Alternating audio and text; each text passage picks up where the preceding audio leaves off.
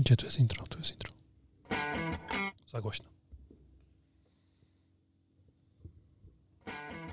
Za cicho.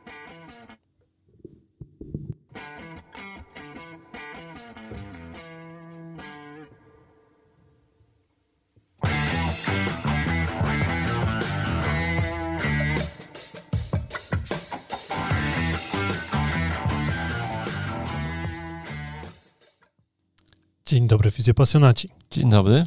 Siemka. Otwieramy nową dekadę odcinków. To będzie jedenasty odcinek Fizjopaszyn na podsłuchu. Razem ze mną w studiu po raz przedostatni chyba, w tym studiu. Bo nie to, że już zamykamy, już nie będziemy nagrywać, ale e, zmieniamy studio niedługo. Więc razem ze mną w tym studiu Marcel Mieszkalski Dzień dobry. i Jakub Durczak. Dzień dobry. Ja się nazywam Dariusz Kowalski. Mhm. Czekacie na nie przedłużając dłużej? Oczywiście. Zawsze. Świetnie. W takim razie nie przedłużając dłużej, przechodzimy do kącika społecznościowego, który głównie nam sponsorują Alan i Błażej. Alan ma do nas cztery pytania. I z grubej rury zaczynamy. Co uważamy o medycynie manualnej według doktora Skłodowskiego? Mhm. Ty coś uważasz, Kuba? Ty chyba nie znasz, nie? Słabo. Ty coś chcesz powiedzieć? Bo ty E. jesteś w pewnym sensie krajaninem Radka, bo on kiedyś w Kędzierzynie zaczynał To swoją prawda, przygodę. to prawda. Nawet byłem u, u Radka jako pacjent, jak miałem chyba 14 lat albo coś takiego, więc Chociaż, przepraszam, przypomina mi się, że kiedyś byłem na jakiejś konferencji naukowej, na, e, na której doktor, tak? Doktor? Tak. E, miał wystąpienie i zrobił na mnie bardzo duże wrażenie wtedy. Ciężko mi jest się odnieść, bo byłem wtedy mocno początkującym terapeutą. Nie wiem, jakbym to widział dzisiaj, natomiast wtedy pamiętam, że, że mi zaimponował mocno. Jesteś pewny, że to był doktor Składowski? Tak, myślę, że tak. Okej. a co, y, wątpisz? Śmiesz wątpić? Znaczy, y, jeżeli to było kilkanaście lat temu, jak Kuba był początkującym terapeutą, to nie wiem, być może, w sensie na tyle, na ile znam Radka, nie słyszałem, żeby mm, udzielał się w tamtych czasach na konferencjach No to może ja się Natomiast- pomyliłem. No ale no, nie wiem. A co ja Czy myślę jest o to tej możliwe, mety- że się pomyliłem? Co To ja myślę o tej możliwe. metodzie, metodzie, to ja znam ją na tyle, na ile Zachar by mi ją był w stanie przy, przekazać, Mhm. tak naprawdę. Nasz taki wspólny znajomy Zachar, którego pozdrawiamy teraz bardzo mocno. Os. E, I jakby spoko, to widziałem super efekty, nie? Natomiast nie, nie, nie mam tak informacji z pierwszej ręki, powiedzmy, więc, więc nie, nie, nie, ma, nie mam opinii jakiejś mocno wyrobionej. Natomiast uważam, że spoko, no, Zachar ma mega efekty, szczególnie ze sportowcami tam pracuje. No, Ładnie to wygląda, więc spoko. no ja generalnie mam A ty bardzo chyba robiłeś, nie? Jakby jakieś tam elementy. Mam bardzo pozytywną opinię. Ja skończyłem cały kurs e, medycyny manualnej u, u Radzia i przez moment e, gdzieś tam nawet e, jako instruktor się udzielałem mm, w ramach tego nurtu, który Radek tworzy. I uważam, że koncepcyjnie jest to bardzo fajne szkolenie, natomiast z perspektywy narzędziowej ja tego szkolenia nie wykorzystuję, bo te narzędzia po prostu nie są dla mnie. Czyli pewne koncepcyjne kwestie, pewne założenia, o których Radek opowiada, to się świetnie wpisuje w moją praktykę gabinetową.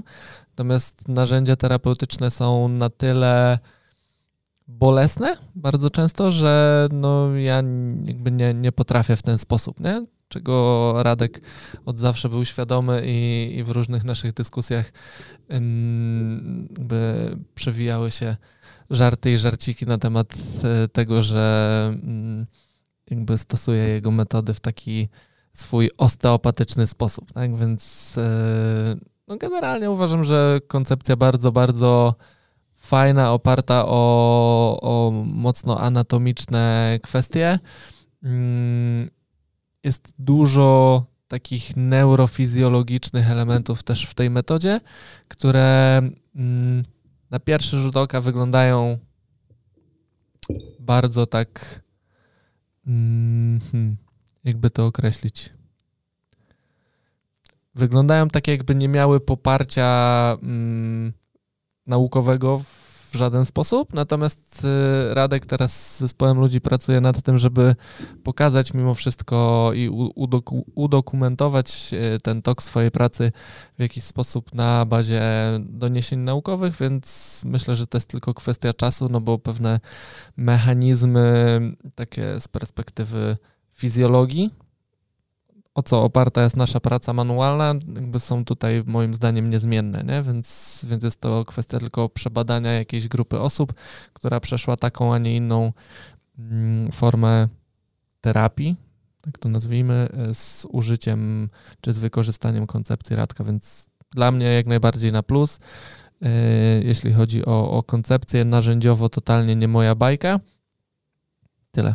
Myślę, że to może być dla wielu osób ciekawe, nie? że masz że są kursy czysto techniczne, mhm. 10 technik na lewę kluczową mhm. i masz kursy koncepcyjne, które są też kursy czysto koncepcyjne, tak jak my sobie idziemy na kurs z embriologii czy z fizjologii, gdzie po prostu uczymy się y, o embriologii i fizjologii bez żadnych narzędzi. No i są takie kursy tak jak mówisz, mieszane, nie? gdzie masz pewną koncepcję przedstawioną i pewne narzędzia do niej.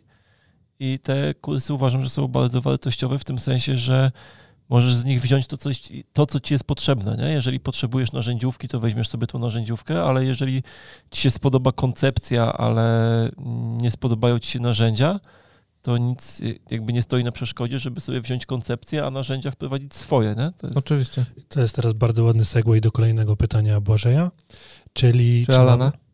Chyba Błażeja teraz. Chyba Alana. Alana. Oj, chyba Oj, się pomyliłeś. Przepraszam, przepraszam, Alana. Yy, więc Alanie zwany Błażejem, który zadajesz drugie pytanie, to jest, które brzmi, macie jakieś rady w temacie inwestowania w kursy?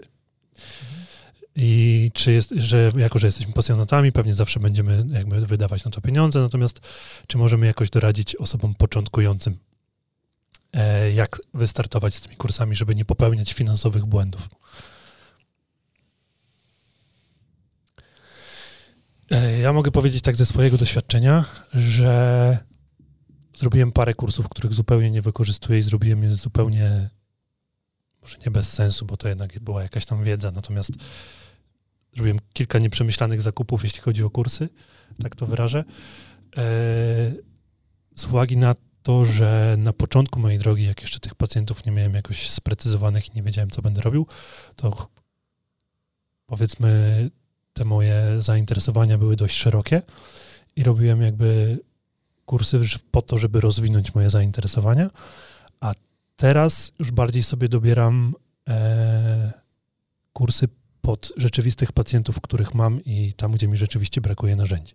Więc podejrzewam, że może być to ciężkie do zrobienia na, na początku drogi, natomiast jeżeli, Alanie, masz jakieś już powiedzmy wybraną grupę pacjentów docelowych, z którymi chcesz pracować, to warto by było po prostu w tym kierunku gdzieś tam iść. Nie? I wydaje mi się, że podczas swojej pracy gabinetowej, jeżeli jesteśmy w stanie krytycznie spojrzeć na to, co robimy, to też jesteśmy w, w stanie wyłapać swoje braki tam, gdzie, gdzie rzeczywiście najbardziej potrzebujemy się rozwinąć, ale no, dla tak całkiem pod, e, początkujących osób ciężko mi dać jakieś bezpośrednie wskazówki. A ja mam, teraz mi przyszło do głowy, że mogę dać taką wskazówkę, że jak ja zaczynałem robić kursy, bo ja zrobiłem bardzo dużo zakupów kursowych yy, i tak robiłem je trochę, bo myślałem, że a może to będzie fajne. Yy, Myślę, że teraz można robić trochę tak, jak ja robię z książkami. Że ja zwykle znajduję kogoś na YouTubie, przesłuchuję z nim parę podcastów czy wywiadów i jeżeli uznam, że ciekawie mówi na jakiś temat związany ze zdrowiem, który mnie interesuje, no to zwykle znajduję jego książkę i ją kupuję, nie? Raczej nie kupuję jakby książek w ciemno. E, I teraz mm, jest jakby tak dużo w internecie, na YouTubach i innych, że też można znaleźć instruktorów, którzy cię interesują, nie? Że jeżeli interesuje cię jakiś kurs, to możesz sobie wyszukać instruktora, który go prowadzi i zobaczyć jakby co on mówi, co on pisze. Jeżeli uznasz, że to jest jakby fajna koncepcja, no to idziesz na jego kurs, nie? Żeby się z nim spotkać osobiście, natomiast możesz sobie, że tak powiem, zobaczyć, co to jest za człowiek i czy on mówi według ciebie ciekawe rzeczy, nie? No, myślę, A że to jeszcze, jest jeszcze taka... mi się przypomniało, że, że najlepiej wybrać wszystkie kursy Physiopassion. Nie, myślę, że to jest właśnie taka droga, którą ludzie trafiali właśnie na, na mój kurs i Sławka z terapii manualnej językiem, który prowadziliśmy, bo my dość mocno i szeroko pokazywaliśmy to, w jaki sposób pracujemy i, i dużo tych treści się pojawiało, więc ludzie mogli faktycznie sobie to zweryfikować. Więc to jest jedna droga, y, która jest fajną drogą i bezpieczną drogą, ta, o której powiedziałeś. Kuba, ale wczoraj trafiłem na taki cytat, który mi się właśnie przypomniał, i ten cytat brzmiał, że jeżeli nie ryzykujesz w swoim życiu niczego, to tak naprawdę ryzykujesz wszystko. Tak? Czyli jeżeli boisz się ryzyka, żeby na przykład zainwestować w coś, no to okazuje się, że za chwilę w perspektywie długoterminowej mm, to takie bezpieczne podejście przestaje ci się opłacać. Nie? I przenosząc to na mm, płaszczyznę tych szkoleń, to ja uważam, że nie ma złych szkoleń, nie ma złych wyborów szkoleniowych, bo jeżeli pójdę na kurs, tak jak Darek powiedział, z którego niewiele wyniosłem, albo który okazał się nie tym kierunkiem, który chciałbym kontynuować, to dla mnie to jest w dalszym ciągu lekcja pokazująca, że jakby tędy nie, że tą drogą jakby nie pójdę. No i wiadomo, można by to było mm, potraktować na takiej zasadzie, że mógłbym sobie tą lekcję oszczędzić i być półtorej koła bogatszy. Natomiast Albo trzy. albo trzy koła. No zakładam, że jak startujesz, to jakby nie wybierasz szkoleń za, za truje, nie? Tylko idziesz Ja na byłem jakieś na takim kursie, że byłbym dyszkę bogatszy. dyszki. Czy penę. Nie, nie, nie, nie, PNF sobie chwalę. No więc generalnie ja też zrobiłem kilka kursów, które dzisiaj pewnie są gdzieś tam z tyłu, tak? Jakby nie, nie są to wiodące narzędzia, czy, czy nie jest to wiodący tok myślenia w mojej pracy, ale ja też uważam, że każdy taki kurs mm, na pewnym etapie naszego doświadczenia coś wnosi, nie? bo jakby każdy ten kurs będzie się e, jakby odnosił do tego, co my aktualnie jesteśmy w stanie zaproponować pacjentowi. I już wielokrotnie tutaj na podcaście mówiliśmy o tym, że nasz zawód jest taki, że my w tym zawodzie przez całe życie się edukujemy, rozwijamy i za 10 lat pewnie będziemy robić w gabinecie zupełnie inne rzeczy niż dzisiaj. I to jest jakby klarowne i jasne, ale mam taki postulat, żebyśmy mimo wszystko dali sobie czas i możliwość na przepracowanie pewnych narzędzi czy pewnych toków myślenia, na które trafiamy, zanim jakby je odrzucimy i zaczniemy sobie szukać innych, bo jest takie sławne powiedzenie, że jesteś tak dobrym terapeutą jak ostatni kurs, który skończyłeś, nie? I mamy faktycznie taką tendencję, że poszedłem na super kurs, tak? Instruktor po prostu wielki idol, biorę, chłonę od niego wszystko, co się da, zostawiam za sobą to, czego się nauczyłem do tej pory i jakby wchodzę w zupełnie nowe buty, nie? To się zazwyczaj źle kończy, więc y, jeżeli będziesz, Alan, wybierał po prostu jakieś kursy, to na dzień dzisiejszy ja bym polecił na początek kurs, który daje ci bazę do tego, żeby sobie pacjentów e, w jakiś sposób zbadać, daje ci trochę narzędzi do tego, żeby sobie z tym pacjentem popracować, czy to będą narzędzia bardziej e, stawowe y, do pracy z tkanką miękką, czy to będą narzędzia do pracy ruchem z pacjentem, nie, niezależnie. Znowu kwestia tego, z czym się dobrze czujesz na dzień dzisiejszy. I żebyś sobie na drodze swojego dalszego wybierania kursów po prostu do tej bazy dobudowywał. Nie? A jeżeli w którymś momencie stwierdzisz, że, że tą bazę trzeba uaktualnić, no to szukasz kogoś, kto ci na bazie chociażby tej formy, o której opowiedział Kuba, taką bazę uaktualni, nie? Bo, bo, bo ci się spodoba. Ja też mam takie w ogóle życiowe przemyślenie, że ja na przykład uważam, że się więcej nauczyłem na negatywnych przykładach w życiu niż na pozytywnych. No Nie? tylko na negatywnych się uczysz, naprawdę. Ale, Ale- jeszcze wracając, albo, sorry, no. Jedną rzecz tylko, tylko nie wiem, czy się teraz nie wybiłem yy, z tego, co chciałem powiedzieć. Że negatywne. To ja tylko wrócę. To dawaj. E, wracając do twojego argumentu, że na niektóre ścieżki trzeba wejść, żeby wiedzieć, że nie chce się nimi podążać, to jak najbardziej się zgadzam. Ale no, mam takie ścieżki szkoleniowe, na których jakby żałuję, że byłem w ogóle, z uwagi jakby na powiedzmy poziom tego szkolenia, nie? Jasne, jasne. I, i jakby są szkolenia lepsze, są szkolenia gorsze. Jakby nie, nie będę tutaj na, na, tym mówił, jakie to były szkolenia, bo jednak powiedzmy, może to zostać odebrane źle, jako że sami prowadzimy szkolenia, to jakby nie chcę tutaj nikomu umniejszać. Natomiast to, co Kuba mówił na temat tego, żeby sprawdzić najpierw wykładowców, to jest bardzo dobry, bardzo dobry pomysł.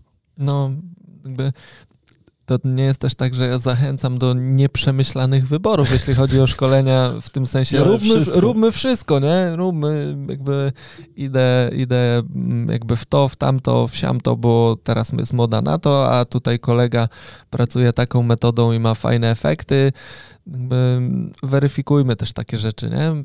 Jeżeli mamy kolegę, który ma fajne efekty, to pójdźmy do niego do gabinetu, zobaczmy faktycznie, jak pracuje i nauczmy się czegoś od niego. Jeśli przenosząc to później do naszej praktyki nam się to spodoba, to idźmy do kogoś, kto w tym nurcie szkoli i, i nauczmy się tego, nie? Myślę, że to jest fajna droga. Ja chodziłem do y, Kuby do gabinetu podpatrując jego pracę i mm, mega dużo z tego okresu wyciągnąłem. Mm, Tylko tutaj znowu pułapka, nie starajcie się robić tego w swoich gabinetach, co robi ta osoba, od której się uczycie, nie? Bo ja taki krótki epizod zaliczyłem, jak zacząłem do Kuby chodzić, że chciałem być Jakubem Durczakiem w swoim gabinecie, nie? I to jakby nie był najlepszy Słabo pomysł. poszło. No ja tylko chciałem, że absolutnie jakby nieprzemyślane zakupy nie zachęcamy. Natomiast, no tak, natomiast też z drugiej strony nie można się y, jakby bać tych wydatków niestety, nie? Bo to jest, jeżeli jesteś grafikiem komputerowym, no to musisz na bieżąco aktualizować swój komputer, zmieniać kartę graficzną, inwestować w monitory, e, musisz sobie kupić pewnie krzesło za półtora klocka, bo siedzisz przy nim cały dzień i tak dalej, a umówmy się, że jak kupisz sobie leżankę do gabinetu i stołek, to masz je na 10 czy 15 lat i nie masz inwestycji z tym związanych. Natomiast no, w naszym zawodzie musisz po prostu co jakiś czas pójść na szkolenie, nie? No jakby ja chodzę na szkolenia od 15 lat i dalej na nie chodzę, no i no, no co, no. No to taka kolej Bardzo rzeczy, dobrze. nie? Bardzo dobrze. Kolejne pytanie, Alana. E, Co determinuje, że u pacjentów hipotetycznie z takim samym wzorcem napięciowym dolegliwości mogą występować w różnych obszarach ciała? Fajne pytanie. Bardzo fajne pytanie. Mhm. Ja bym chciał zacząć od tego, że bardzo rzadko zdarzy się pacjent z takim samym wzorcem napięciowym. To mogą być podobne wzorce napięciowe i to raczej to będzie determinować to, że te objawy są różne, a poza tym wzorzec napięciowy, jeszcze, na wzorzec napięciowy musimy jeszcze nałożyć morfologię pacjenta, więc jakby jego budowa ciała i na to nałożony wzorzec napięciowy będzie miał inny skutek niż u pacjenta z po prostu z inną budową ciała ten sam wzorzec. Ja też zawsze to rozważam w taki sposób, że jeżeli pojawia się wzorzec napięciowy w ciele, to objaw pojawi się w miejscu, które jest na to najbardziej podatne. I wiele osób ma takie miejsca, które są bardziej podatne niż inne. Ja na przykład sobie mm, jakieś chyba 6 lat temu rozwaliłem, jakby mocno nadwyrężyłem szyję i dokładnie wiem, jakby kiedy to zrobiłem. I od tamtej pory, jeżeli jestem przemęczony, przepracowany, yy, moje ciało jakby przestaje sobie radzić, to pierwsze, co mi wysiada, to jest to miejsce, nie? Słabe ogniwo. słabe ogniwo. I to jest po prostu, jakby ja to tak rozumiem, że pojawia się wzorzec, ciało sobie ten wzorzec kompensuje i w momencie, w którym przestaje sobie radzić, 9 na 10 razy wyjdzie w tym osłabionym miejscu, nie? Jak ktoś oglądał, jak dokładnie, jak ktoś oglądał bajkę Pomysłowy Dobromir i słucha nas teraz, a nie ogląda na YouTubie, to zrobiłem taki Gest. mm, gest, bo pojawiła mi się żaróweczka. I odnośnie tych wzorców napięciowych, to jest też temat, o którym my będziemy e, w tym miesiącu mówić na naszych webinarach.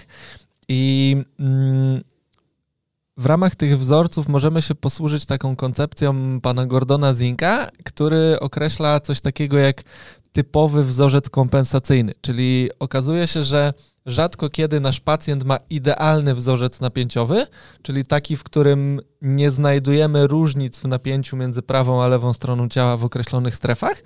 Najczęściej takie mm, wzorce występują, tylko one są dobrze skompensowane, czyli nie dają nam na ten moment żadnych dolegliwości. Można powiedzieć, że są takie podprogowe. Ty to zawsze ładnie nazywałeś. Yy, yy, nie pamiętam. W każdym razie chodzi o to, że wzorzec napięciowy w ciele jest, natomiast nie ma objawów. I teraz. Yy, Subkliniczne. No, tam chodziło mi to też po głowie, natomiast nie chodziło o to ładne słowo. Mhm. Mm. Mam taką gamę ładnych słów, że. Dokładnie. I, I, to, do czego zmierzam, Alan, jeżeli będziesz miał pacjenta, e, który przejawia jakiś wzorzec napięciowy, to to, gdzie pojawią się objawy, może być zależne właśnie od takiego słabego punktu, o którym powiedział Kuba. Ten słaby punkt często może być związany z e, historią chorobową pacjenta, tak? Z jakimiś przebytymi urazami, z e, nie wiem, e, przebytymi zabiegami operacyjnymi, które kończą się powstaniem blizny i tak dalej, i tak dalej.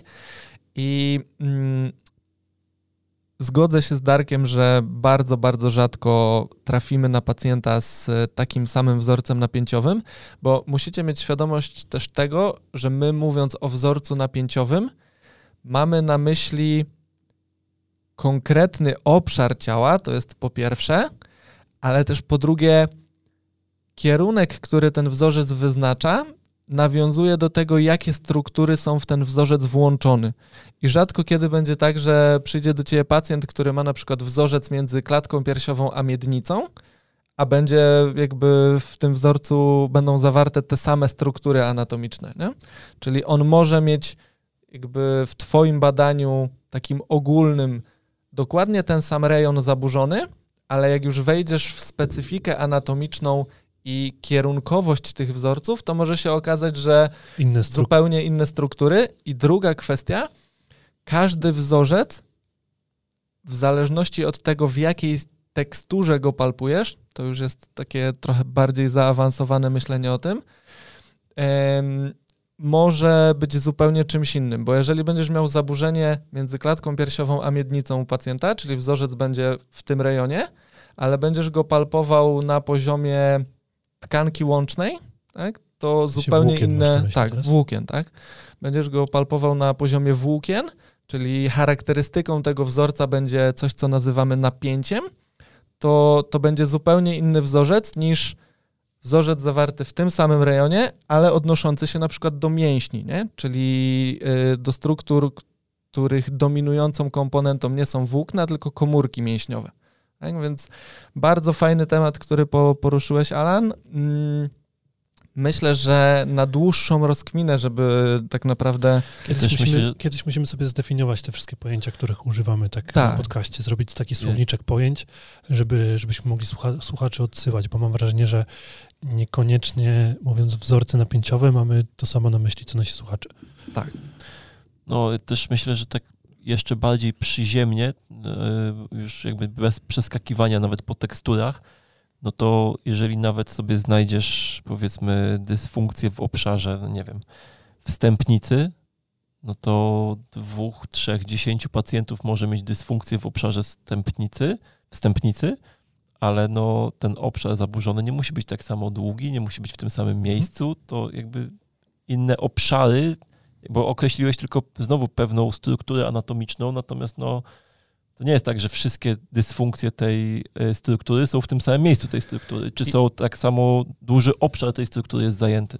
I, I też nie jest tak, że organizm pacjentów reaguje na wzorzec napięciowy dokładnie w ten sam sposób, bo od zasobów takich systemowych jest zależne to, czy dany wzorzec napięciowy w ogóle wygeneruje u pacjenta objawy, i od tego, gdzie ten słaby punkt jest zlokalizowany, zależy to, y, czy ten wzorzec napięciowy będzie ten słaby punkt drażnił, tak? Czyli pacjent, który w przestrzeni, na przestrzeni swojego życia y, jakby no, prowadzi się słabo i albo generalnie jego historia chorobowa jest dość bogata, będzie miał troszkę niższy próg aktywacji takiego wzorca napięciowego i w zależności od tego, który obszar jego ciała ma najmniejsze możliwości do tego, żeby ten wzorzec skompensować, to tamte dolegliwości będą się odzywać. Nie? Czyli jeżeli ty masz stary uraz po skręceniu kostki,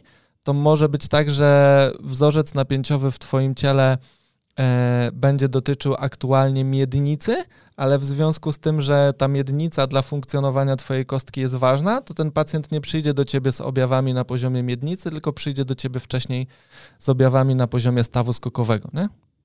Tak.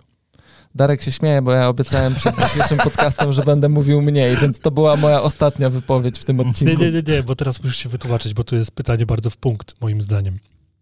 Czy fizjopaszyn to wciąż fizjo, czy bardziej adekwatne byłoby osteopaszyn? I O, moim zdaniem o. to jest bardzo w punkt pytanie. O, no to mm, myślę, że mm, trzeba tutaj rozgraniczyć dwie kwestie, tak?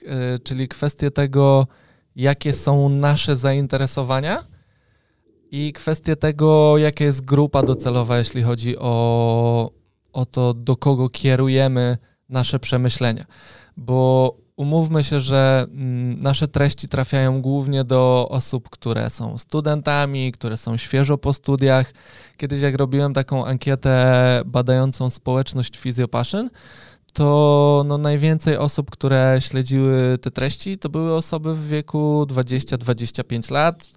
E, Im starsze to były osoby, tym mniej ich było, tak? Więc y, Tak, To- życiu to jest, to jest troszkę to jest troszkę tak, że mm, my chcielibyśmy może bardziej osteopatycznie prowadzić jakby, może inaczej, my prowadzimy te treści osteopatycznie, ale pamiętając o tym, do kogo one trafiają, tak? Więc my staramy się trochę ten świat fizjoterapii i osteopatii gdzieś tam Nie, no, Ale umówmy Myślę, się, że- że... fizjoterapeuta, który chce iść w pracę manualną, Mhm. no nie ucieknie od tego, że musi zacząć zauważać coraz większe jakby obszary połączeń anatomicznych y, i wzajemnych relacji między różnymi obszarami ciała i stąd to wynika. Ale myślę, że też to wynika z tego, że myśmy nie postawili sobie na, e, na celu zrobienie z naszych odbiorców osteopatów. No Nie? tak, Absolutnie. tak. Absolutnie nie. To, co jest naszym celem, to jest zrobienie z naszych odbiorców jak najlepszych fizjoterapeutów.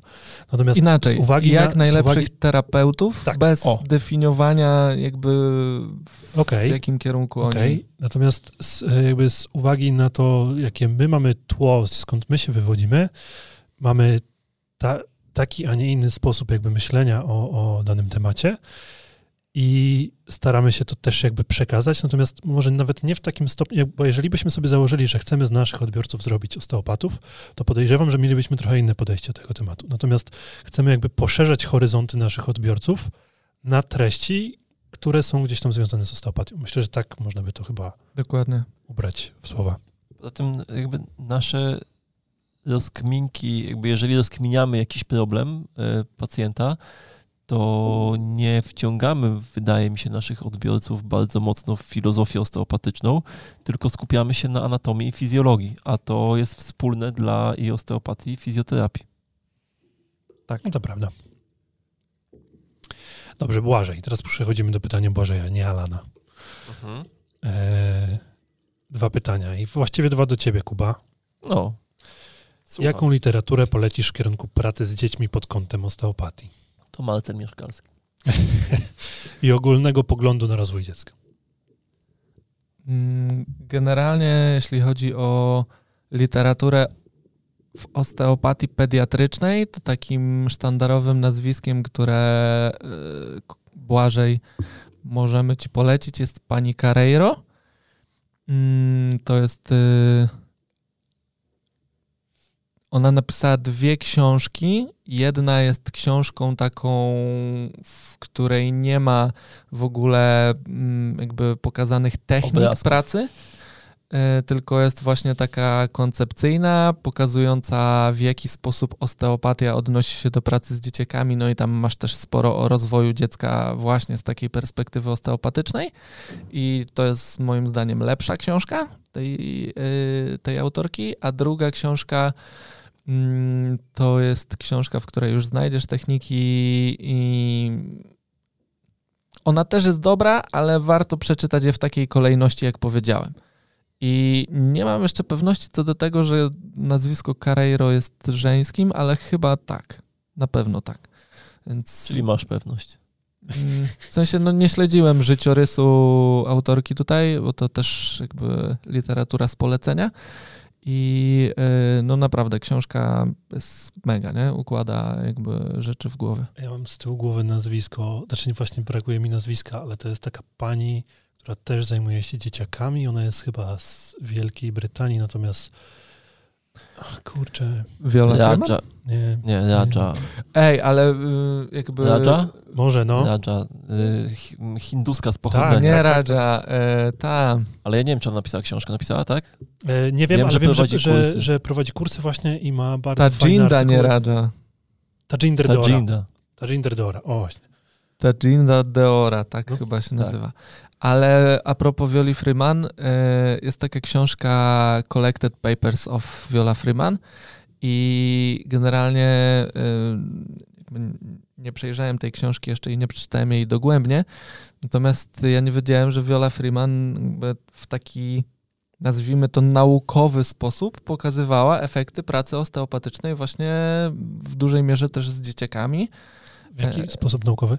E, No robiła badania statystyczne dla mm, jakby swojej diagnostyki i terapii, którą prowadziła jakby w gabinecie, nie? Doku, dokumentowała swoje kliniczne osiągnięcia w postaci e, no jakby takiej Ale to są Dobra. raczej zapiski z jej gabinetu, czy Tak, rzeczywiste tak. badania, że miała jakieś dwie grupy, coś tam i tak dalej? No nie, no to nie, nie są badania na zasadzie, Okej, że tam e, metodą pana XYZ zrobiono statystykę, w której no, rozumiem, rozumiem. statystycznie Czyli po prostu okazało się, zapiski- że to i to, nie? Taki mój pamiętniczek gabinetowy Wally Freeman. Okej, spoko. No.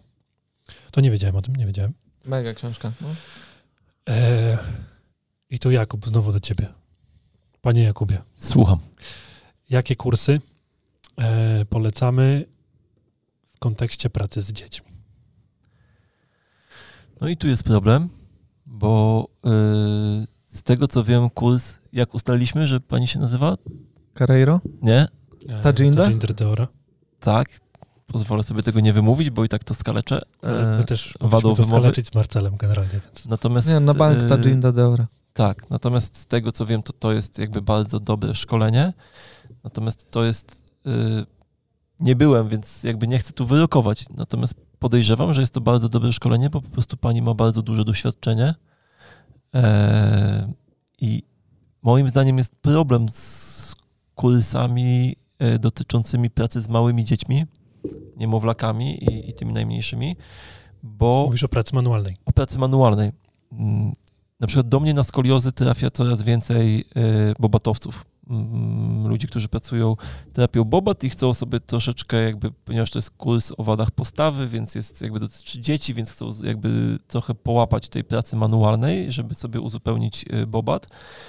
E, I wiem, że jakby od nich mam dużo zapytań, nie? Jakby, żebym zrobił im szkolenie z pracy manualnej z małymi dziećmi. Natomiast ja sobie nie do końca wyobrażam to szkolenie, jak miałoby to wyglądać i na dzień dzisiejszy rodzi mi się w głowie taki pomysł, żeby zrobić szkolenie na temat pracy z małymi dziećmi, natomiast dla bardzo małych grup, czyli powiedzmy czterech kursantów, na, którym, na których tak naprawdę będziemy omawiać pewne typowe dla małych dzieci problemy i jakby ich kliniczne aspekty i taką sytuację jakby ogólnomedyczną z tym związaną, nie tylko medyczną, ale też jakby domową i inną, bo tutaj bardzo dużo takich czynników wchodzi w grę i, i myślę, że chciałbym tam po prostu zaprosić mamy z małymi dziećmi i pokazać autentyczną terapię, w związku z czym na takim kursie nie może być 12 osób, bo to się nie uda. E, Tak, i myślę, że to byłyby takie kursy mocno nastawione na nawet nie tyle na ten techniczny aspekt, tylko na analizę sensoryczną, czyli na ćwiczenie dotyku i interpretację dotyku, bo problem w pracy z małymi dziećmi jest taki, że nie wiesz, z czym pracujesz, bo jakby nie wiesz, jaka jest anatomia, dlatego że ta anatomia jest inna niż u dorosłego, jest mało źródeł, z których można się tego dobrze nauczyć. Poza tym nigdy nie wiesz, na jakim etapie rozwoju jest de facto to dziecko, więc musisz polegać na swojej palpacji. I to byłby kurs, który by się skupiał na jakby analizie sensorycznej, a nie stricte na technikach, moim zdaniem. Czyli, ja by, okay, ja czyli bym... polecasz swój kurs, który kiedyś zrobisz? Jeszcze takich... go nie polecam, bo nie wiem, czy go zrobię, ale jeśli go zrobię, to będzie w ten sposób wyglądał. Jasne, rozumiem. Ale no tak już odnosząc się bezpośrednio do pytania Błażeja, to... No ja uważam, że dobrze by było znowu sobie zrobić background, czyli zrobić kurs, który pokazuje czysto rozwojówkę, żeby rozumieć, y, co jest względnie normalne y, w prawidłowym rozwoju dziecka i żebyśmy mogli mm, pewne mm, odchylenia od tej normy zaobserwować i włożyć je w pewien kontekst. I mając taką bazę, wybrać już szkolenie wtedy narzędziowe, tak? Y, natomiast wszystko znowu zależy od tego, w jakim modelu miałoby się to narzędziowe podejście zamknąć, nie? Czy miałaby to być bardziej terapia mm, taka y, funkcjonalna w odniesieniu do bobatów, czy terapia wojtowska, czy bardziej Błażej myśli tutaj o takim podejściu osteopatycznym, no to tutaj y, wydaje mi się, że ciężko jest zrobić jeden kurs z no osteopatycznej właśnie, pracy o, o, o to mi chodzi, nie? Że, że na tym w sensie ja uważam, że mm, te szkoły osteopatii pediatrycznej, które powstają, w sensie kształcenie w takim modelu, jak my się kształcimy normalnie w akademii, że tam przez dwa lata uczymy się osteopatycznego podejścia do pracy z dzieciakami, to to jest fajny kierunek, szczególnie dla osób, które nie miały z tymi dzieciakami dużo do czynienia, nie? bo to daje e, trochę więcej by znowu pewności, że rzeczy, których się uczę, mogę wprowadzić do, do swojej pracy. Tutaj Kuba jest z kolei przedstawicielem nurtu numer dwa, tak? Czyli jakby nie skończyłem konkretnych szkoleń do pracy z dzieciakami, ale mam background, mam narzędziówkę, którą jestem w stanie dostosować do anatomii, fizjologii małego dziecka i po prostu na tej bazie tworzę sobie model pracy z tymi dzieciakami, nie? Więc wszystko zależy, znaczy- myślę, od tego, gdzie jesteś Błażej i, i co chciałbyś dalej ze sobą zrobić. Jeszcze chciałbym napomknąć a propos tej osteopatycznej pracy z dziećmi, to myślę, że jest przyczyna ku temu, że jakby nie zaczyna się od osteopatycznej pracy z dziećmi, nie? Tylko najpierw robisz osteopatyczną szkołę, a dopiero potem możesz sobie to rozwinąć na osteopatyczną pracę tak, z dziećmi. Tak, no jest wielu terapeutów, którzy nie kończą później żadnych konkretnych szkoleń co do pracy z dzieciakami, albo zaczynają pracować z dzieciakami i znowu, jeśli w którymś momencie tych dzieciaków jest w gabinecie więcej i zauważają, że nie są w stanie zaadresować pewnych problemów, to zaczynają szukać e, takich Dokładnie. specjalistycznych szkoleń odnośnie pediatrii, nie? Dokładnie. E, Paulina się cieszy, że jeżeli śmiejemy się z jakiegoś podejścia terapeutycznego, to tłumaczymy dlaczego, bo na innych podcastach słyszała, czy tam na innych źródłach ogólnie, że ktoś się śmieje z jakiegoś podejścia i, i na tym poprzestaje. Ej, Więc... my się śmiejemy? No właśnie, ja nie kojarzę. Nie wydaje mi się.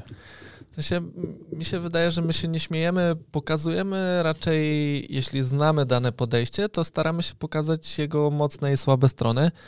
Czy ja się e, mogę śmiać z tego, że ktoś bierze bardzo redukcjonistyczny model terapeutyczny i próbuje mi powiedzieć, że 90% pacjentów dobrze odpowiada w tym modelu. Nie? No to jakby to jest dla mnie śmieszne wtedy, nie? Ale to nawet nie sam model, tylko. Tylko podejście, podejście. kogoś do tego modelu, tak, tak. No, znaczy. Wszystko znowu zależy od tego, mm, albo, z czym przepraszam, albo jeszcze nie? inaczej, bo my się właściwie śmiejemy ze wszystkiego, więc jako trochę może też mogłoby to tak zostać odebrane, ale z osteopatii, z osteopatii śmiejemy się tak samo generalnie.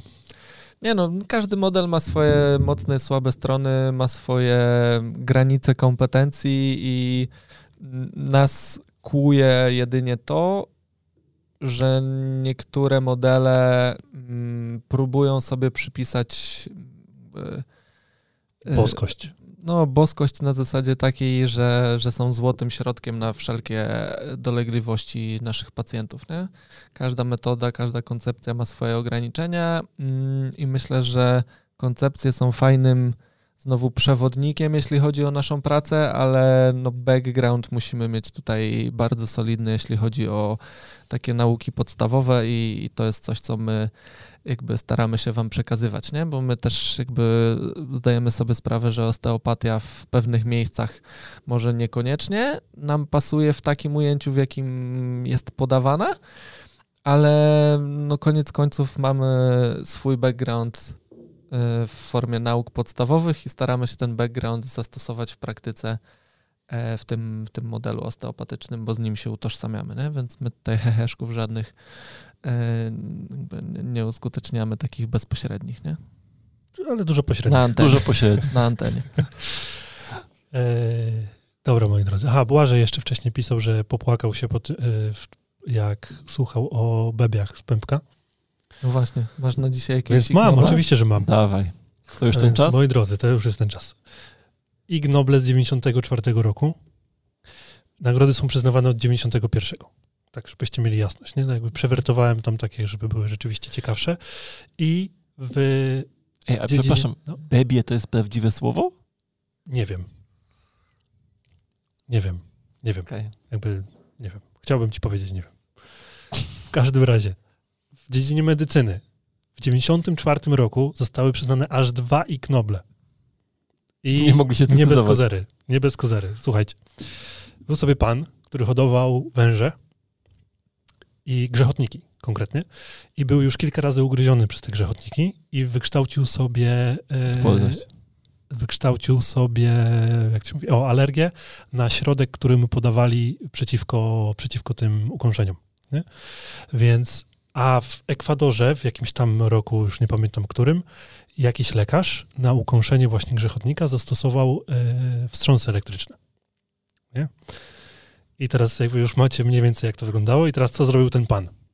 Ten pan, jak ukąsił go, był z kolegą w swoim garażu i ukąsił go grzechotnik, więc stwierdził, że nie chce jechać już do szpitala, bo był bo i tak jest uczulony na, na ten środek, który mu podają, więc yy, położył się obok samochodu, podpięli go do akumulatora dwoma tymi um, no, klemami. klemami. No i y, odpalili silnik. Ten jego kolega siedział w samochodzie i przez 5 minut tak bujał tym silnikiem do 3000 obrotów. No i jak wyszedł z tego samochodu, to, y, to już niestety tamten pan leżał nieprzytomny y, w swoich fekaliach, i y, jak przyjechała karetka, no to jednak go odratowali, jakby nic się nie stało. I jakby pierwsza nagroda jest przyznana dla tego pana, który właśnie y, dał się pod, podpiąć pod ten akumulator, a druga nagroda jest ja przyznana... myślałem, że są y, nagrody za jakieś badania naukowe. To i, i są, posłuchaj, bo druga nagroda jest przyznana dla grupy naukowców z Uniwersytetu Rocky Mountain, coś, Poison Center, to nie uniwersytet, przepraszam, tylko Rocky Mountain Poison Center, mój angielski dzisiaj nie jest najlepszy, za badania o tytule e, czekajcie, żebym to dobrze przetłumaczył, albo może przeczytam. Failure of Electric Shock Treatment for Rattle Strike and Envenomation. Mhm. Czyli mniej więcej za to, że pokazali, że no niestety że nie działa, taka nie działa tak, bo to zrobili case study dokładnie, dokładnie tego, tego, tego. No to... Więc przede wszystkim, kurczę, ile to trzeba mieć odwagi, żeby się podpiąć pod akumulator. Aha, jeszcze mało tego, to ukąszenie było na twarzy, więc on to miał podpięte te elektrody do twarzy. Wiesz co, Daruś, jest bardzo cienka granica między odwagą a głupotą. I myślę, że tutaj ta granica się mocno zatarła. Została przekroczona, myślisz? Lub została przekroczona po prostu. Ja chciałem tylko taki postulat, że ja się bardzo cieszę, że za tego typu badania jednak nie przyznają Nobli, nie? No bo koniec końców ten pan coś udowodnił, natomiast y, hipoteza tutaj y, w ramach tego badania była nie, nie, to dość chodziło, oczywista. Chodziło nie? o to, że. Aha, bo jeszcze nie powiedziałem jednej rzeczy, że y, ten pan z Ekwadoru, który tam stwierdził, że tam miał jakieś tam wyniki, to było. Jakby to była, ta opinia zaczęła, opinia, e, opinia publiczna zaczęła jakby to przyswajać, nie? Że, I rzeczywiście były sprzedawane normalnie takie elektroszokery, że, się tak naz, że to tak nazwę, którymi miałeś sobie przykładać tam do, do ugryzienia węża, nie? I jakby dlatego dostali tą nagrodę, z uwagi na to, że udowodnili jakby jednoznacznie, okay. że żeby już odejść od tego pomysłu i w ogóle całe potem to FDA w Stanach E, dało sobie spokój już i zabroniło w ogóle produkowania takich rzeczy i stosowania taki, takich metod. No to tutaj ten y, elektroszoker domowej roboty był tak. dość wyszukany. Tak, trzeba przyznać, że tak. Hit. Czy kit? Hit. Hit. Dobra, to teraz przechodzimy do kolejnego kącika.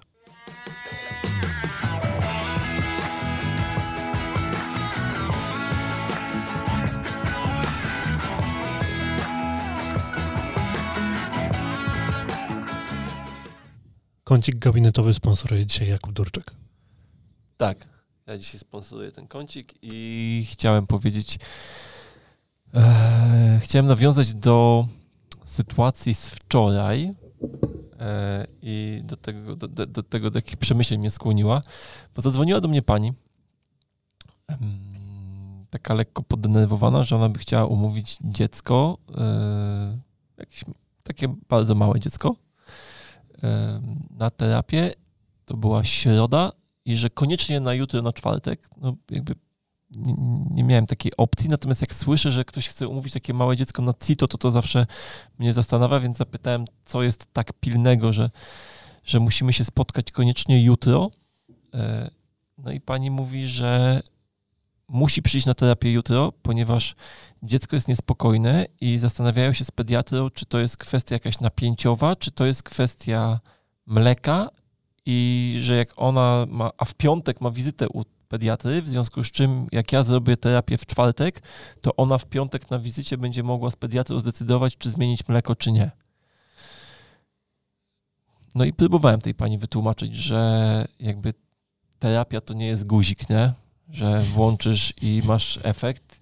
Próbowałem jej też wytłumaczyć, że nie tylko trzeba jakby czasem dać trochę czasu na uzyskanie, jakby na obserwację tego, co się po terapii zadziało, żeby wyciągnąć jakieś logiczne wnioski, tylko próbowałem jej też powiedzieć, że nawet jeśli byłby efekt po terapii w czwartek, to podejmowanie decyzji na podstawie tego, co się dzieje w piątek po czwartkowej terapii, może być nie do końca adekwatne, bo ten efekt może się w ciągu następnych kilku dni znowu jakby zmienić. Natomiast no, nie dotarłem z tą wiadomością, nie? jakby nie przebiłem się z przekazem i no, no pani pewnie tam sobie kogoś znalazła na ten czwartek.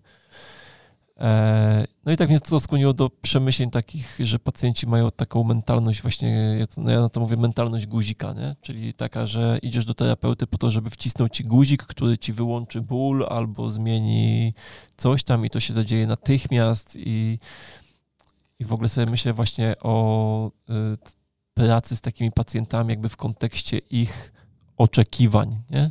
które są nieprzystające w tym momencie do rzeczywistości po prostu. No, myślę, że to jest y, bardzo trudne dla nas, terapeutów, bo mm, no, te oczekiwania są naprawdę wygórowane, nie? I mm, wiemy, że czasem ciężko jest osiągnąć Mm, tutaj konsensus z pacjentem w kontekście tego, gdzie są umiejscowione oczekiwania, a gdzie znajdują się nasze możliwości terapeutyczne. Nie? I o ile z dzieciakami to jest trochę tak, że jeżeli robimy dobrą terapię, czyli trafiliśmy w problem tego dziecka, to ta reakcja pojawia się dość szybko, tak? czyli dziecko szybko reaguje na terapię.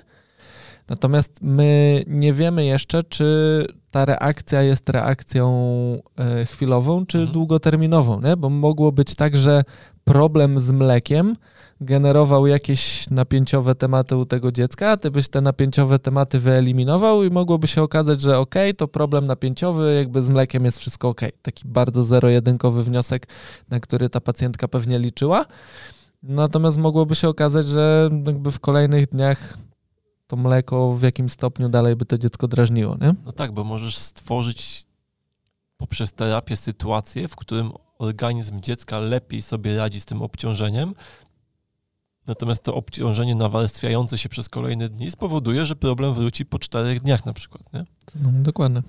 To, to, to, jest, to jest trochę tak jak, wiesz, jak z pacjentami, którzy przychodzą w mega ostrym stanie złamani w pół i ty jakby robisz terapię, on wstaje z kozetki, prostuje się, w związku z czym jakby masz natychmiastowy efekt odzyskania jakby zakresu ruchomości, co mi na przykład pokazuje, że stworzyłem fajne warunki do tego, żeby ten stan zapalny sobie tam lepiej przebiegał, no bo jest ruchomość w tym miejscu, nie? Czyli jest lepszy przepływ i tak dalej, a pacjent wstaje i mówi tak, no wie pan co, ale jednak jeszcze trochę boli, nie? No. Tak. I, I, jak schylam się, to jeszcze do nogi promieniuje. Tak, tak. Znaczy myślę, że to trochę wynika z takiego syndromu pigułki, nie? No, że jak bierzesz lek przeciwbólowy, no to on, to czy jeżeli zabiera zadziała, dolegliwości. To zabiera dolegliwości no tu i teraz, nie? Natomiast no jak działamy z naturą, czy tam działamy z organizmem, no to trzeba dać po prostu czas na to, żeby tam pewne procesy się zadziały, no i tego nie jesteśmy w stanie uniknąć w żaden sposób, ale jakby nie dziwi mnie tak naprawdę to, że pacjenci nie do końca są świadomi tego. Nie, nie, mnie to nie dziwi. Mnie to po w sensie tu nie ma co pacjentów winić, nie? Ale no, no, też o to mi chodzi. myślę, że warto tutaj naszym słuchaczom przekazać, żeby nie przejmowali się za bardzo sytuacjami, w których taki pacjent na przykład nie podejmie terapii u nich i pójdzie do kogoś innego, nie? bo zdaję sobie sprawę z tego, że część osób może to uznać za jakąś tam porażkę mm, taką zawodową. E, natomiast e, no, pamiętajcie, że, że najgorszą rzeczą, jaką można zrobić, to pracować wbrew swoim e, jakimś tam przekonaniom i no, wbrew wyznawanym w pewnym sensie zasadom, które na co dzień wykorzystujecie w gabinecie. Ja nawet przez telefon nie staram się za bardzo przekonywać tych pacjentów już, nie? Bo bo ja uważam, że taki pacjent, który dzwoni na maksa nakręcony, że on musi dzisiaj, e, no to on właśnie szuka tabletki, nie? I, i jak taki pacjent do mnie trafia do gabinetu, gdzie jest jakby czas i przestrzeń na to, żeby usiąść, żeby wytłumaczyć, żeby zbudować pewien kontekst, żeby, żeby temu pacjentowi wytłumaczyć pewne mechanizmy, to, to, to pewnie jest szansa, żeby go przekonać do naszego jakby toku myślenia, Natomiast w rozmowie telefonicznej uważam, że jakby słabo jest na to przestrzeń, więc... Znaczy, trochę to tak wybrzmiało, jakbyś miał to w dupie, ale to nie o to chodzi, nie? To chodzi o to po prostu, że uważasz, że nie, nie, nie, nie da się przez telefon zrobić tego odpowiednio dobrze, więc albo przy pacjenta Nie, bo jak ja słyszę, że, razu, wiesz, że to jest jakby pacjent, który jakby jak zaczyna słuchać, jak, co ja mu tłumaczę, to on już ma w głowie, że on w tym czasie wolałby wyszukać no, następny no numer telefonu, Poza żeby tym... znaleźć kogoś, kto go faktycznie jednak przyjmie dzisiaj, no to Tutaj nie, tu nie, jest jeszcze ja jedna, zawsze podejmuję próbę. Nie? Jeszcze jedna ważna kwestia, czyli autorytet lekarza versus autorytet nasz. Nie? Jeżeli pediatra wyznaczył taką ścieżkę postępowania, to ta pacjentka jest nakręcona z konkretnego powodu, nie? I ona przychodzi do ciebie w pewnym sensie po pigułkę, bo tak została w pewnym sensie zaprogramowana, nastawiona. to jest złe słowo, nastawiona. I mm, to nastawienie wynika z tego, że ona nie ma świadomości mm, twojego mm, sposobu spojrzenia na to, nie? Więc y, no tutaj też dobra wola pacjenta, mm, z jednej strony nasza edukacja, ale z drugiej strony dobra wola pacjenta, żeby był otwarty na tą formę podejścia, którą my proponujemy, bo zakładam, że mm, pewnie wielka tragedia by się nie stała, gdybyśmy zrobili tą terapię u dziecka w czwartek, a wizyta u pediatry by się odbyła w piątek, ale za tydzień, nie?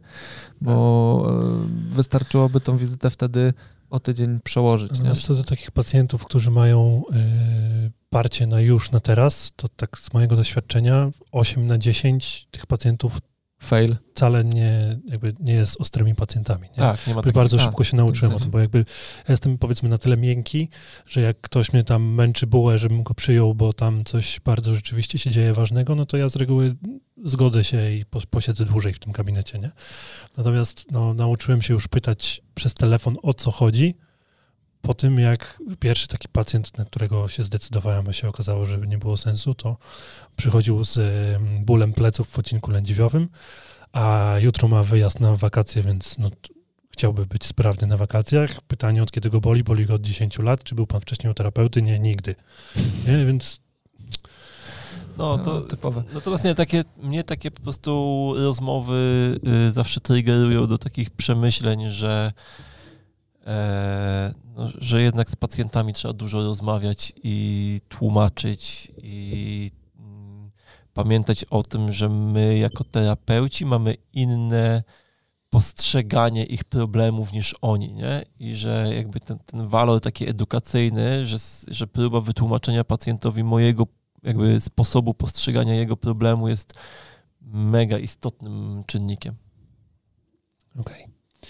I teraz, jako że zapomnieliśmy to zrobić w kąciku gabinetowym, to Jakub Durczak nas przypomni, gdzie nas można znaleźć.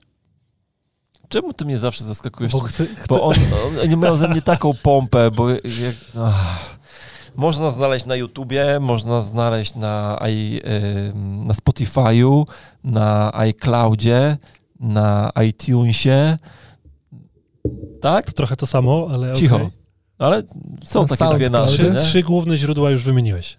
No i resztę wymieni Darek. Jeszcze można nas posłuchać na SoundCloudzie, na Google Podcasts i chyba z tych takich platform audiowizualnych to chyba wszystko. Ej, Natomiast a czy my tu nie powinniśmy robić takich wstawek, że tam e, wiesz, łapka w górę i naciśnij dzwoneczek, żeby nic cię nie ominęło, nie? To, to, Aha, że zasubskrybuj nas. tak. No, jakby kiedyś zrobimy akcję subskrypcja i będziemy ludzi namawiać. Na razie, na razie nie. Na razie czekamy na organiczny wzrost. W sensie, słuchajcie, Darek bardzo lubi, jak nam przybywa słuchaczy na Spotify'u, więc jeżeli jeszcze nie obserwujecie naszego profilu na Spotify'u, to zróbcie to. Darek na pewno będzie lepiej spał. Tak, będę lepiej spał. A jeszcze jedna ciekawostka, bo Kuba wcześniej przed podcastem pytał o statystyki tam na Spotify i tak dalej.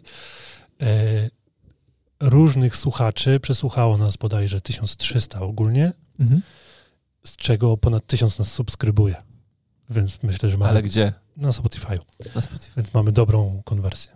Bardzo Super. dobre. No, tak między 70 a 90% osób przesłuchuje całe odcinki. Tak, nie? tak, tak, tak. Więc Nie dziękujemy, Są, dziękujemy. nie są krótkie, więc doceniamy naprawdę. Szapoba. E, I Marcel nam jeszcze powie co nowego w Fizjopaszyn. Teraz, żeby znowu e, ten Przenieść się w time collapse e, pominąć, to wy będziecie tego słuchać w poniedziałek. Wy czy tego słuchacie w poniedziałek. wy tego słuchacie w poniedziałek? Czy niekoniecznie ktoś może tego słuchać we wtorek przecież. To Może. też prawda. Dobrze. W każdym, Kiedy już tego słuchacie? w każdym bądź razie, y, kiedy słuchasz tego podcastu, to my prawdopodobnie przygotowujemy się do pierwszego webinaru marcowego, y, który jest webinarem bezpłatnym i będzie on dotyczył systemu przepon mm, funkcjonalnych zawartego w takim modelu krążeniowo-oddechowym, więc y, w tym miesiącu będziemy mocno mm, Was y, stymulować takimi treściami, które będą nawiązywać do pracy płynowej. Mm, I ten pierwszy webinar jest 11 o godzinie 9. To prawda, 11. tak, 11 marca o godzinie 9. Drugi webinar będzie 25 o godzinie 17 i on będzie mm, oczywiście częścią praktyczną. Możecie sobie skorzystać aktualnie z e, przedsprzedażowej ceny, e, do czego oczywiście zachęcamy i zapraszamy, żebyście sobie oba te webinary w ramach takiego spójnego, zintegrowanego procesu edu- edukacyjnego przyswoili. Czy jakieś inne nowe rzeczy Ja u nas się pytanie do ciebie. Czy to prawda, że już mamy e, przed uzyskaniem certyfikatu trzeba zdać egzamin u nas? Tak. W sensie y, ostatni, ostatni webinar na temat stawu skokowego mm, doczekał się już testu Mm, i wszystkie webinary, które są zawarte w strefie kursanta będą powoli miały aktualizowane kwestie testów i każdy nowy, który się będzie pojawiał, na pewno taki test będzie miał, więc y, przyjąłem taki system, że dla tych webinarów bezpłatnych, skoro przez 7 dni macie dostępną retransmisję takiego webinaru, to przez 7 dni pod tym e, okienkiem z wideo na konkretnej stronie, na którą Was będziemy odsyłać, będzie też możliwość przekierowania się na stronę testu. Rozwiązujecie test, zaliczacie test, macie automatycznie wygenerowany certyfikat, rozwiązujecie test, nie zdaliście testu, nie macie certyfikatu. Proste. Bardzo dobrze. A teraz Kuba tutaj się śmieje cały, Nie, całą ja- twoją wypowiedź. i Ja Nie, nie, strasznie ja- się zastanawiam, o co chodzi. Bo tak jak mówiliśmy o tym, kiedy kto tego słucha, nie? to ja tylko chciałem powiedzieć, że jeśli jest teraz rok 2020, jakby 40, jesteś moim wnukiem, to te wszystkie aktualności są już jakby Już po ptakach. Już po ptakach. Ju- Już jesteśmy po tym webinarze. Tak. Tak. Dobra. To co? Idziemy dalej. Pewka.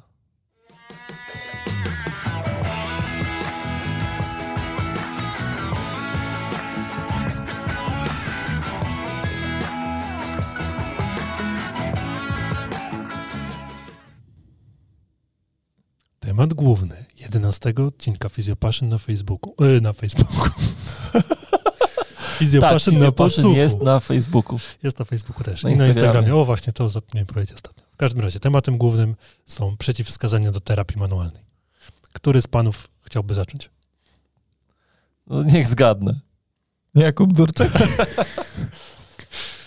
Nie no, umówmy się, że na pewno, znaczy nie, mogę zacząć. No, ja, ja uważam, że ym, jest bardzo mało bezwzględnych yy, przeciwwskazań do... No więc od tego zacznijmy. Mamy Wskazania bezwzględne... względne i bezwzględne. Tak. I, tych, I tych bezwzględnych jest bardzo mało. To są takie ogólnomedyczne, powiedzmy. Yy, natomiast poza tymi ogólnomedycznymi, to dla mnie są dwa bezwzględne przeciwwskazania do, do wykonywania nawet nie tyle samej terapii, co, bo, bo to są rzeczy, które się nie odnoszą do samej terapii, tylko do konkretnych technik. I to jest, yy, to jest to, że pacjent czegoś nie chce, to znaczy, no bo pacjent, jeżeli nie chce mieć terapii, to na nią nie przyjdzie, nie? Natomiast jeżeli już przyszedł, to może nie chcieć mieć wykonywanych pewnych technik, bo nie chce, żebyś mu grzebał w jamie brzusznej, albo mi się co najmniej parę razy zdarzyło, że ktoś się pytał, czy będę mu strzelał z kręgosłupa, bo on się tego boi. I tutaj uważam, że to jest przeciwwskazanie wtedy do wykonywania manipulacji, e, nawet jeżeli ja uważam, że one są u tego pacjenta bezpieczne. E, natomiast drugi, drugie takie przeciwwskazanie jest mm, związane z taką naszą, nazwijmy to, intuicją terapeutyczną. Jeśli ja z jakiegokolwiek powodu, nawet jeśli nie jest to racjonalne, ale mam obawę przed zrobieniem czegoś pacjentowi, to tego nigdy nie robię.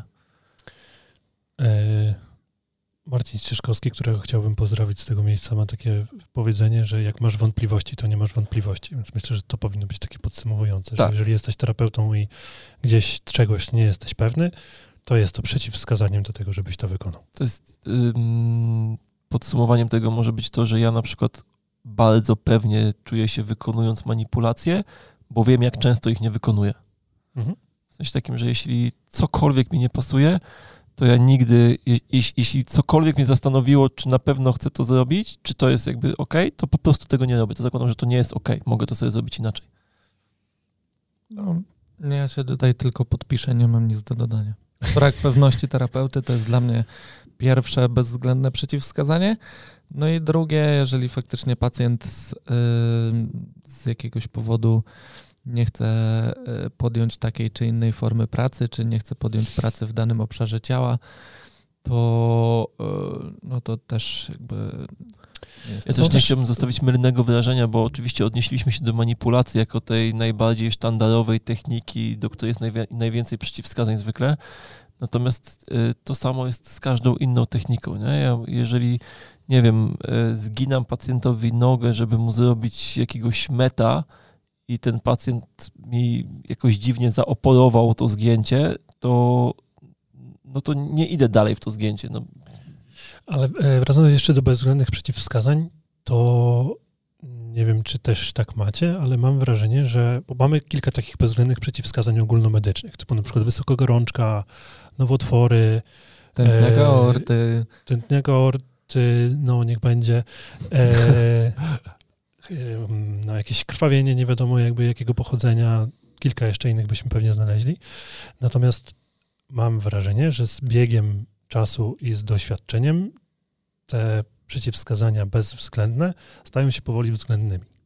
Czy też macie takie wrażenie? No tak, na pewno, wiesz, y, ostatnio chyba na podcaście rozmawialiśmy trochę o pacjentach Z nowotworowych nowotworami, i wszystko zależy od tego znowu, gdzie umiejscowisz mm, swój cel terapeutyczny, no bo umówmy się, że u pacjenta z nowotworem no, twoim celem nie będzie wyleczenie pacjenta, natomiast jeżeli skupisz się na poprawie komfortu, jakości życia tego pacjenta, chociażby w aspekcie bólowym, to um, uważam, że są narzędzia terapeutyczne, których, um, że tak powiem, siła oddziaływania jest dostosowana do stanu pacjenta i nie generuje potencjału e, przerzutowego, jeśli chodzi o, o ten nowotwór. Nie?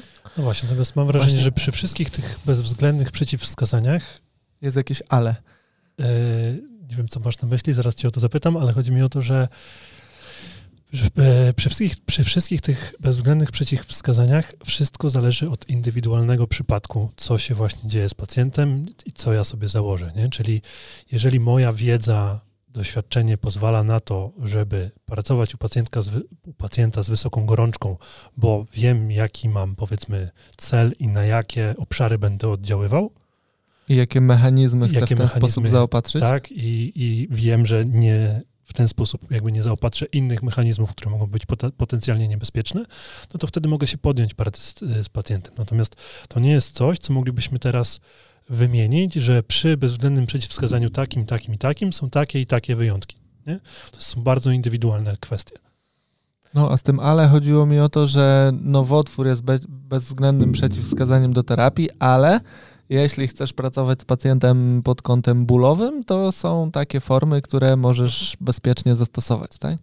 Tętniak aorty jest bezwzględnym przeciwwskazaniem, ale jest wielu pacjentów z tętniakami aorty, których pewnie przyjęliśmy i nawet o tym nie wiemy, to po pierwsze, a po drugie, mm, no jeżeli mamy pacjenta z tętniakiem nie wiem, na aorcie brzusznej, a będziemy mu mobilizować staw skokowy, no to jest raczej mała szansa, że ten tętniak mu w trakcie tej mobilizacji pęknie, pod warunkiem, że no jakby nie będziemy w tą mobilizację angażować całego ciała pacjenta, tylko po prostu staw skokowy, nie?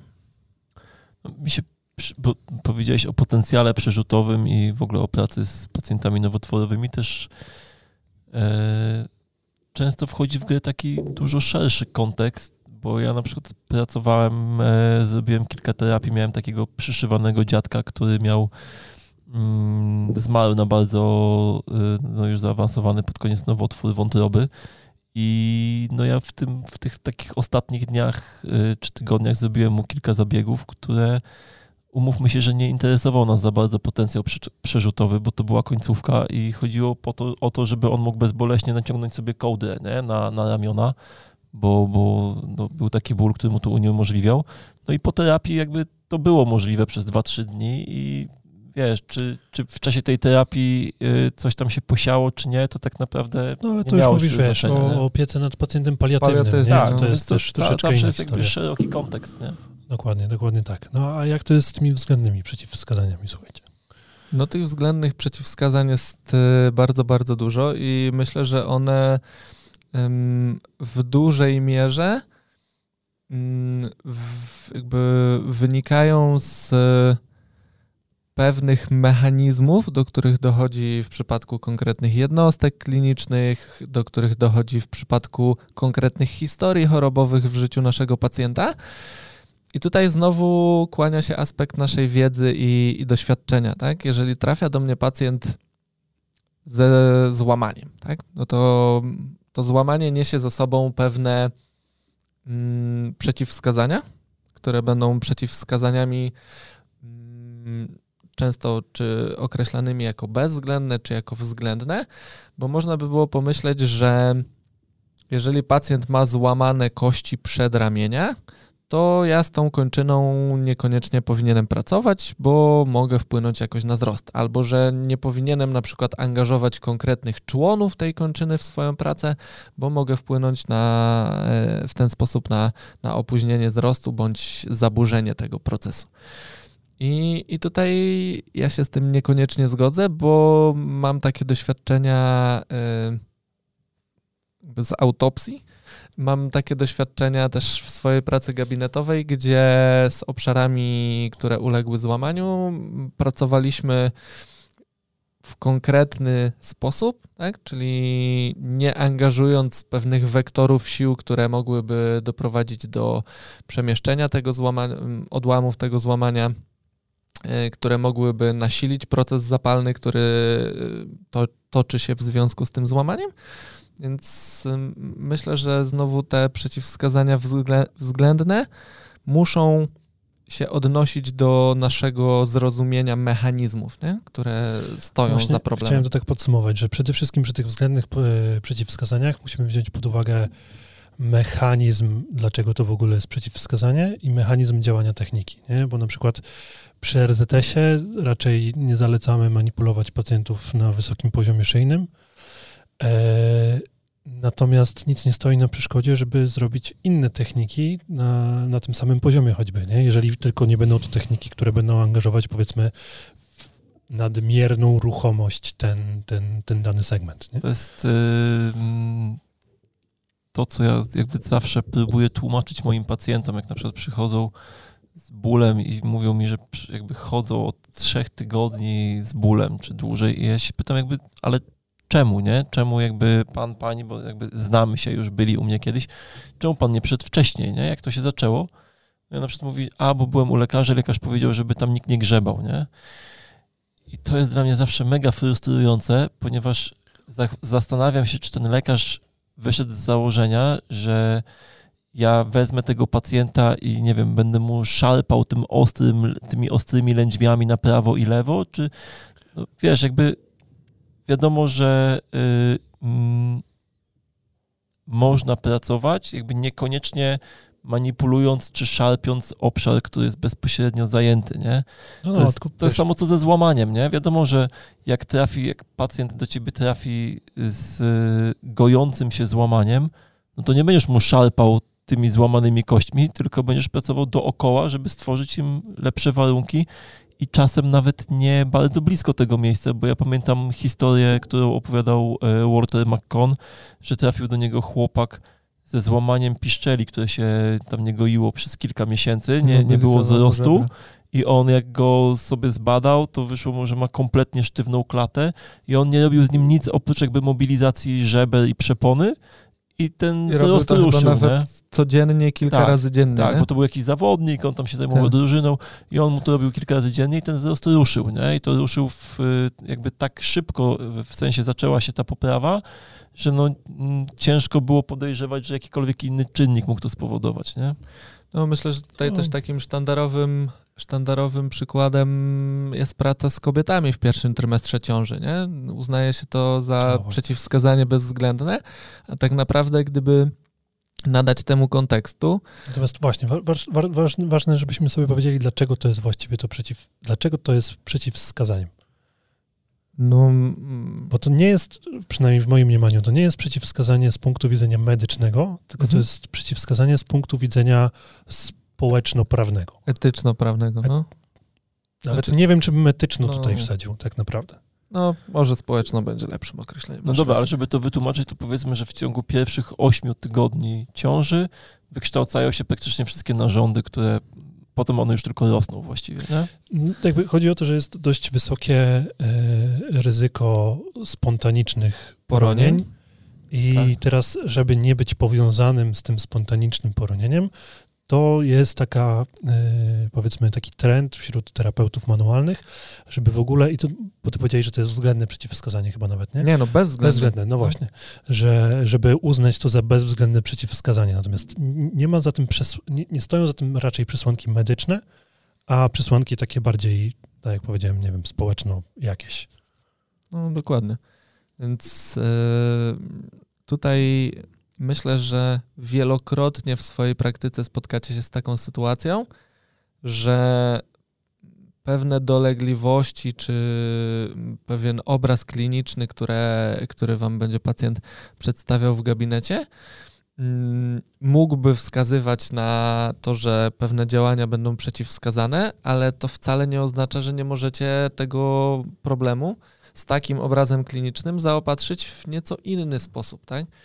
I wydaje mi się, że znaczy nie chciałbym, żeby ten nasz y, odcinek dzisiejszy zakończył się takim podsumowaniem, że Nie ma pracujmy ze wszystkim, nie ma przeciwwskazań, generalnie jakby wszystko fajnie. Natomiast umówmy się, że odsetek pacjentów, którzy do nas trafiają z takimi ciężkimi patologiami, jest stosunkowo niewielki. I to wcale nie oznacza, że powinniśmy się czuć bardzo swobodnie, tylko to oznacza, że mm, powinniśmy racjonalnie podejmować decyzje w kontekście tego, co stoi za tym, że mam uznać daną sytuację kliniczną pacjenta za przeciwwskazaną do terapii. Tak? No bo jak przyjdzie do mnie pacjent z cechami zakrzepicy, no to ja mimo wszystko w pierwszej kolejności tego pacjenta wyślę do specjalisty. Tak? Nie, nie będę tutaj z pacjentem w y, aktywnym procesie zakrzepowym pracował w jakikolwiek sposób. Tak? Bo będą takie sytuacje, gdzie z wyboru tego pacjenta odeślecie. Tak? Ja mam.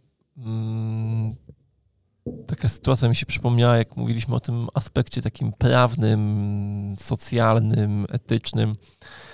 To ja ostatnio miałem pytanie e, a propos właśnie e, kobiety w ciąży, która jakby w macicy zrobił się krwiak, który no, mógł być zagrożeniem dla płodu i no, lekarz powiedział, że tak 50 na 50, czy ta ciąża się utrzyma.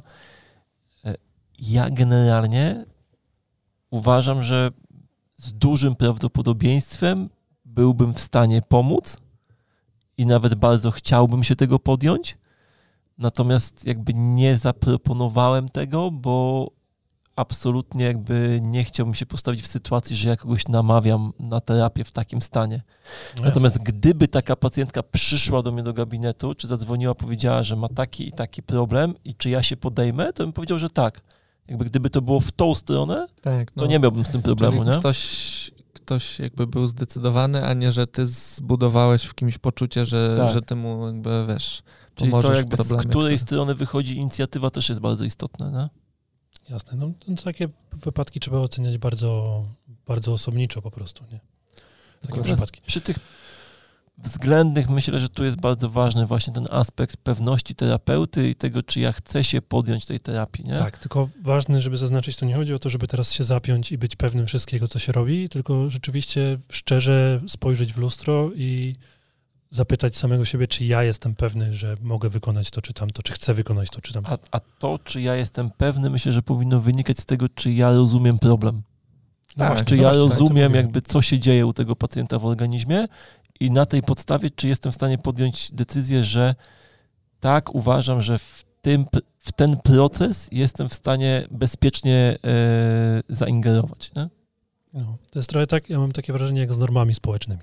W sensie jak masz wyznaczone przez społeczeństwo jakieś tam normy, to generalnie złotą zasadą jest dobrze, żeby, żeby jakby postępować w ten sposób. Chyba, że dokładnie rozumiesz, co się dzieje i z jakiejś przyczyny masz dobry powód, że ci to nie pasuje, wtedy jakby nie ma problemu, się sprzeciwiasz się tym normom. I dokładnie tak samo jest z tymi przeciwwskazaniami, że jakby generalnie to jest złota zasada, to jest przeciwwskazanie, natomiast jeżeli dokładnie rozumiem, co się dzieje, wiem, co chcę zrobić, chcę, do, dokładnie wiem, co, co się powiedzmy, czy dokładnie wiem, to może nie chciałbym użyć tego słowa, ale wiem, co się odbędzie e, w tym organizmie pacjenta, to wtedy zielone światło. Tak, tutaj jeszcze łącząc to z pytaniami z kącika społecznościowego, uważam, że jednym z takich e, bardzo przydatnych kursów, a często pomijanych w edukacji fizjoterapeutów, jest kurs semiologii, tak, gdzie nie uczymy się technik, więc kurs jest mało Bez atrakcyjny, tak, mało atrakcyjny dla, dla, dla terapeutów, natomiast y, jeżeli już mamy pewien zasób narzędzi i potrzebujemy właśnie zrozumienia tego, co się w ciele pacjenta dzieje lub może dziać w trakcie terapii, w przypadku konkretnych mm, problemów, to taki kurs semiologii może być dla nas znowu fajnym przewodnikiem, żeby ustalić, ok, ból w takiej takiej strefie, o takiej takiej charakterystyce, to może być A, B, C, D i teraz co muszę zrobić, żeby wykluczyć ścieżkę A, co muszę zrobić, żeby wykluczyć ścieżkę B, C i D. I jeżeli mam w swoim wachlarzu możliwości wykluczeniowe, to fajnie, robię to, ustalam hipotezę diagnostyczną i stwierdzam, ok, jeżeli to jest faktycznie to, no to mam zielone światło do pracy. Jeżeli wyjdzie, że nie mam tego zielonego światła, wysyłam pacjenta do specjalisty. Jeżeli okazuje się, że w ramach różnicowania ja już jestem ograniczony i nie jestem w stanie stwierdzić, czy to jest A, B, C czy D, no to czasami wyślę pacjenta zamiast do specjalisty na konkretne badanie, chociażby badanie obrazowe, tak? Tyle. Tak.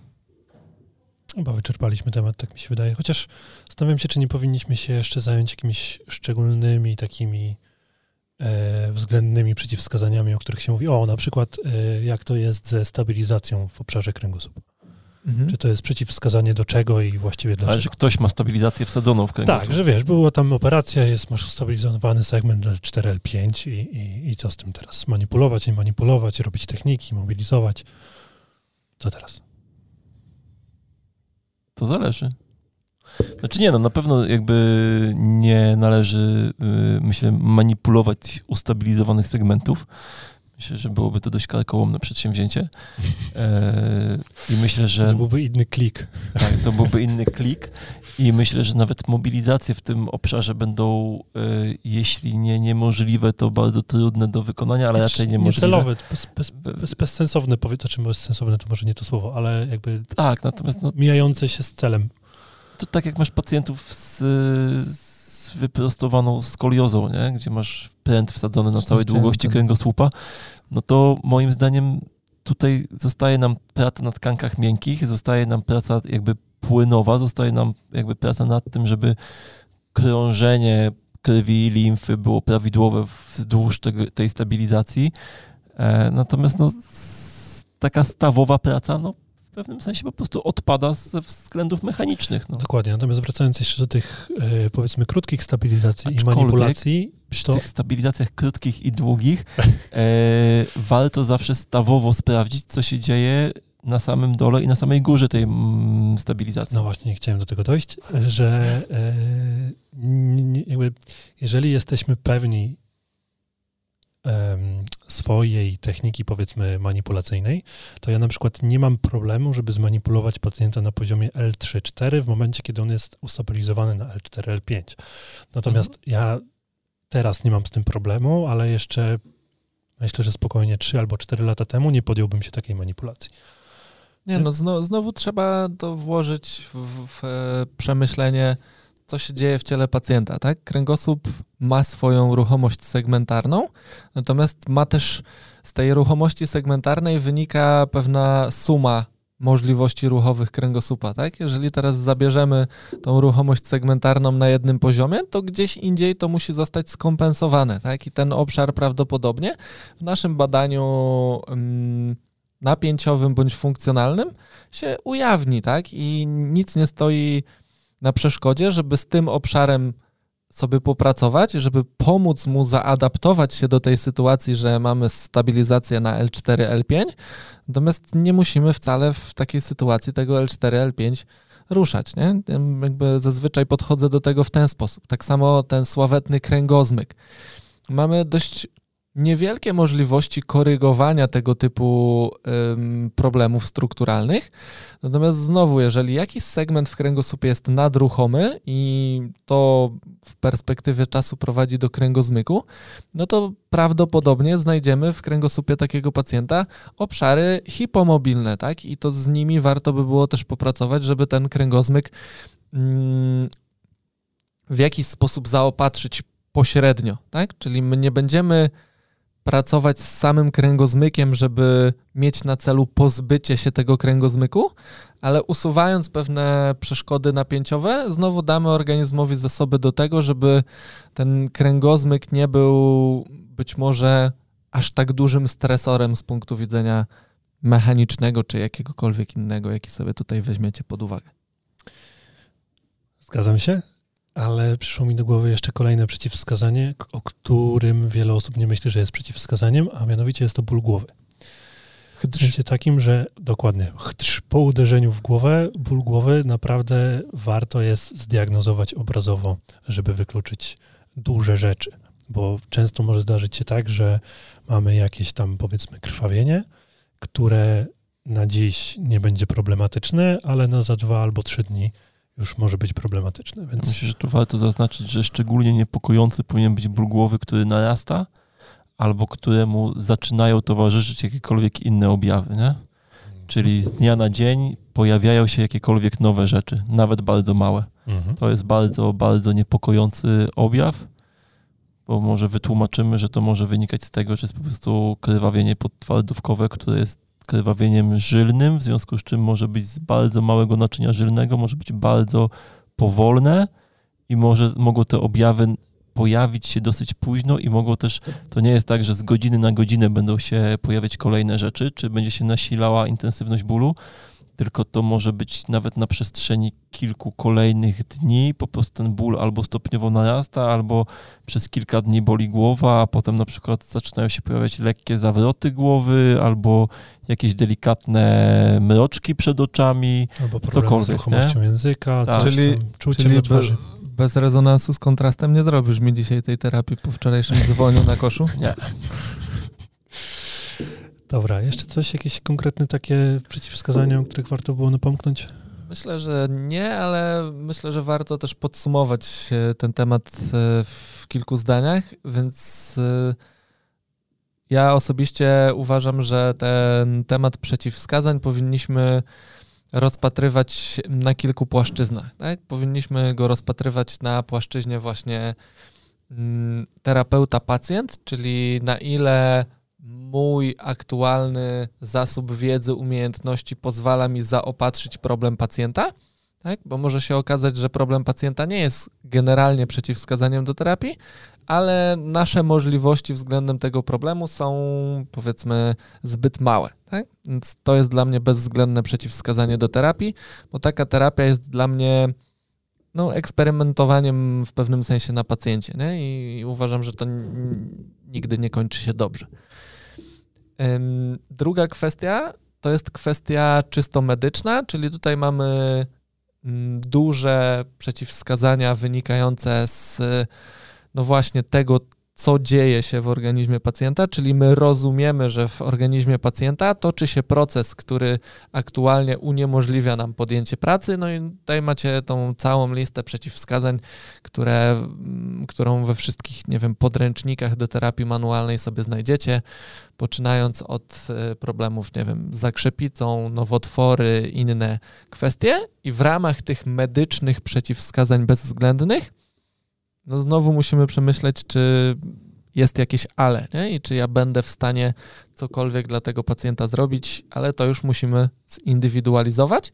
No i trzecią grupą przeciwwskazań są przeciwwskazania związane z konkretną jednostką kliniczną albo procesem chorobowym, tak? czyli przyszedł do mnie pacjent ze złamaniem i mój wachlarz możliwości pracy z nim w pewnych sferach jest ograniczony, natomiast nie ma przeciwwskazania do tego, żebym ja sobie na kontralateralnej na przykład kończynie popracował, jeżeli on ma złamaną tą ipsilateralną. Nie? Więc myślę, że takie trzy grupy mm, przeciwwskazań można by było tutaj wyodrębnić. No i od kilku czynników, o których w ramach tej rozmowy wspomnieliśmy, zależy to, czy faktycznie zakwalifikujemy to jako przeciwwskazanie względne, czy też bezwzględny. Tak, a jeszcze raz podkreślę, że dobrym, dobrą praktyką jest po prostu spojrzenie w lustro. Jeżeli znajdę tam strach, obawę albo chociaż niepewność, to to jest przeciwwskazanie do zrobienia tej konkretnej rzeczy, czy w ogóle całej Czyli terapii. jednak wychodzi na to, że muszą być lustra w gabinecie. Tak, muszą być lustra w gabinecie, zdecydowanie. No, można z lusterka w telefonie skorzystać. Mm, no ale nie, to jest bardzo ważne, o czym Darek mówi, że, że jeżeli czujemy się przytłoczeni problemem pacjenta i nie widzimy siebie w procesie terapii takiego pacjenta, to myślę, że nie ma co na siłę podejmować takiej próby, nie? Tak. Dobrze. Tyle w 11 odcinku. Zamykam 11 odcinek w takim razie. Do zobaczenia.